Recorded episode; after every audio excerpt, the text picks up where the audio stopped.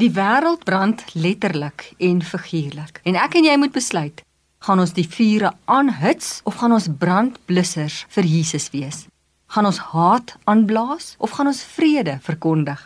In Matteus 5 vers 9 staan daar: Geseënd is die vredemakers, want hulle sal kinders van God genoem word. Om die braaivleisvure kan ons die vure van haat ook aansteek. Ons weet al te goed hoe om dit te doen of ons kan stories van hoop vertel en brandslaaners wees. In Johannes 7 vers 38 staan daar: Met die een wat in my glo, is dit soos die skrif sê, strome van lewende water sal uit sy binneste vloei. En met hierdie strome van lewende water kan ons vure van haat doodblus. Ja, ons kan nie op ons eie instrumente van vrede wees nie. Ons het God se hulp nodig. Ons het die Heilige Gees binne ons nodig om hierdie vure van haat dood te maak. Watter keuses maak ek en jy vandag om versoening te bewerkstellig? Bring vrede daar waar jy invloed het, daar in jou wêreld. Die petroljoggie met wie jy te doen het, die meisietjie agter die toonbank met wie jy praat, jou familie, jou kollegas, praat oor vrede. Bring versoening. Bring vrede deur die manier waarop jy daagliks lewe. Wees geduldig. Straal Christus se gesindheid uit. Jesus word genoem die vredevors. Hoe tree jy by die werk op?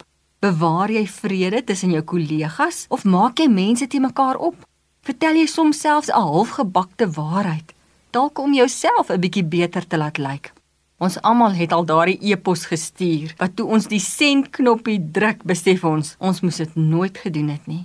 Kom ons sien die mooi in mekaar raak. Daar's 'n oulike staaltjie wat vertel van die tingerige seentjie wat die dag op die speelgrond deur drie boelies gekonfronteer was.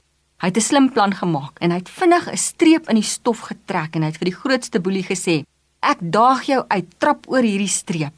Sonder skroom het hierdie groot boelie oor die streep getrap en toe sê die klein seentjie: "Wonderlik. Nou is ons aan dieselfde kant." Mense hoor soms dat selfs families, boeties en sissies nie met mekaar praat nie. Hoe bring jy vrede in jou familie? Partykeer dan fokus ons net op die verkeerde wat ons geliefdes doen, in plaas daarvan om ook die mooi raak te sien.